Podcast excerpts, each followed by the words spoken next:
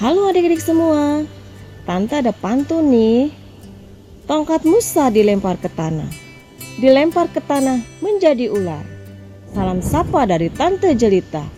Bawakan renungan untuk adik-adik mendengar. Siapkan telinga, hati, dan pikiran kita untuk mendengarkan podcast renungan anak hari ini dengan tema Tanda dari Tuhan. Dengan bacaan Alkitab dari kitab Keluaran 4 ayat 1 sampai 17. Mari kita berdoa. Kami memuji Engkau ya Tuhan. Kami bersyukur kepadamu untuk hari yang baru ini.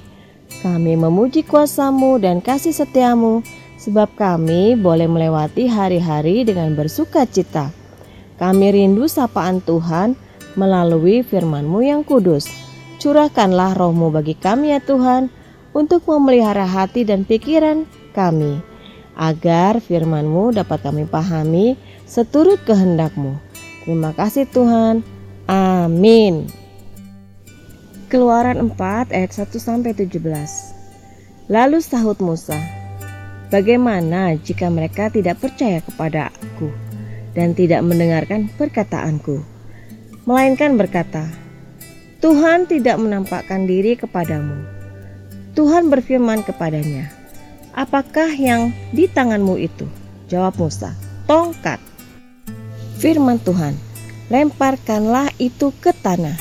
Dan ketika dilemparkannya ke tanah, maka tongkat itu menjadi ular, sehingga Musa lari meninggalkannya. Tetapi firman Tuhan kepada Musa, "Ulurkanlah tanganmu dan peganglah ekornya." Musa mengulurkan tangannya, ditangkapnya ular itu, lalu menjadi tongkat di tangannya, supaya mereka percaya bahwa Tuhan Allah nenek moyang mereka, Allah Abraham, Allah Ishak dan Allah Yakub telah menampakkan diri kepadamu. Lagi firman Tuhan kepadanya, Masukkanlah tanganmu ke dalam bajumu. Dimasukkannya tangannya ke dalam bajunya.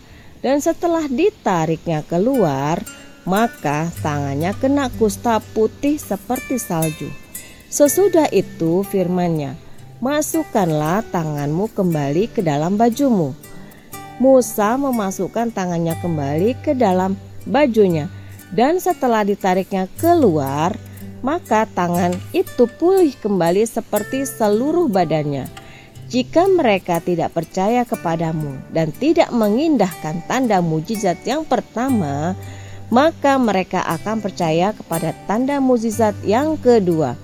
Dan jika mereka tidak juga percaya kepada kedua tanda mujizat ini dan tidak mendengarkan perkataanmu, maka engkau harus mengambil air dari sungai Nil dan harus kau curahkan di tanah yang kering. Lalu air yang kau ambil itu akan menjadi darah di tanah yang kering itu. Lalu kata Musa kepada Tuhan, "Ah, Tuhan, aku ini tidak pandai bicara, dahulu pun tidak, dan sejak Engkau berfirman kepada hambamu pun tidak." sebab aku berat mulut dan berat lidah. Tetapi Tuhan berfirman kepadanya, Siapakah yang membuat lidah manusia? Siapakah yang membuat orang bisu atau tuli? Membuat orang melihat atau buta? Bukankah aku, yakni Tuhan? Oleh sebab itu, pergilah. Aku akan menyertai lidahmu dan mengajar engkau apa yang harus kau katakan. Tetapi Musa berkata, Ah Tuhan, utuslah kiranya siapa saja yang patut kau utus. Maka bangkitlah murka Tuhan terhadap Musa. Dan ia berfirman, Bukankah di situ Harun orang Lewi itu kakakmu? Aku tahu bahwa ia pandai bicara. Lagi pula ia telah berangkat menjumpai engkau. Dan apabila ia melihat engkau, ia akan bersuka cita dalam hatinya. Maka engkau harus berbicara kepadanya dan menaruh perkataan itu ke dalam mulutnya. Aku akan menyertai lidahmu dan lidahnya dan mengajarkan kepada kamu apa yang harus kamu lakukan. Ia harus berbicara bagimu kepada bangsa itu dengan demikian, ia akan menjadi penyambung lidahmu dan engkau akan menjadi seperti Allah baginya. dan bawalah tongkat ini di tanganmu yang harus kau pakai untuk membuat tanda-tanda mukjizat. Demikian firman Tuhan hari ini. Adik-adik, Musa diutus Tuhan untuk membebaskan umat Israel dari perbudakan Mesir. Sebab Tuhan telah mendengar dan memperhatikan seruan penderitaan umatnya oleh karena kerasnya perbudakan bagi umat Israel di Mesir dan juga mengingat akan perjanjiannya kepada Abraham, Ishak dan Yakub. Namun, pengutusan Tuhan ini mendapatkan penolakan dari Musa. Alasannya karena Musa takut jika umat Israel tidak percaya kepadanya dan karena ia tidak pandai berbicara.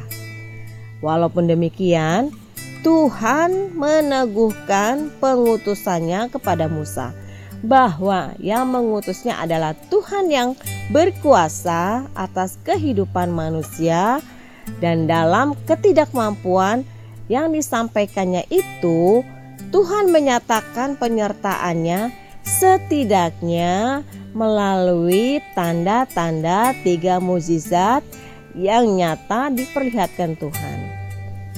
Tanda pertama, melalui tongkat Musa, Tuhan menyuruh Musa melemparkan tongkatnya ke tanah.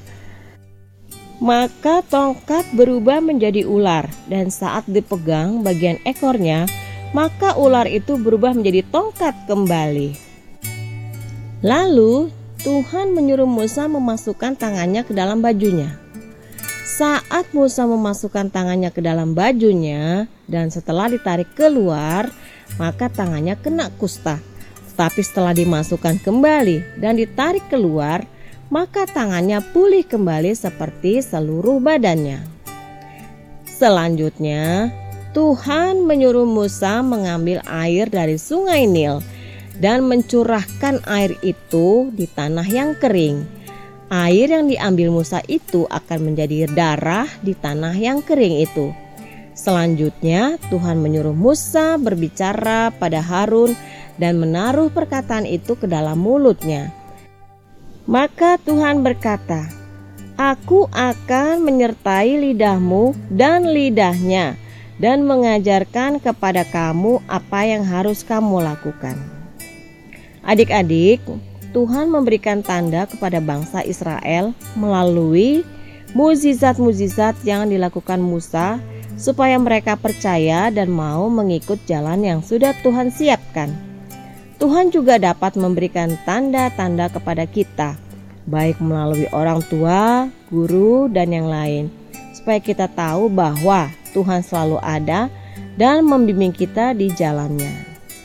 Mari kita ucapkan bersama-sama. Tuhan memberikan tanda kehadirannya melalui semua yang ada di sekitar kita. Sekali lagi, Tuhan memberikan tanda kehadirannya melalui semua yang ada di sekitar kita. Mari kita berdoa. Bapa di surga, terima kasih atas tanda-tanda kehadiran dan penyertaan Tuhan dalam hidup kami. Dalam nama Tuhan Yesus, amin. Demikian renungan hari ini.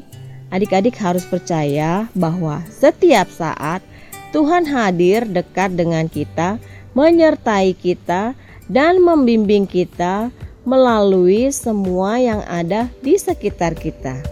Tuhan Yesus memberkati.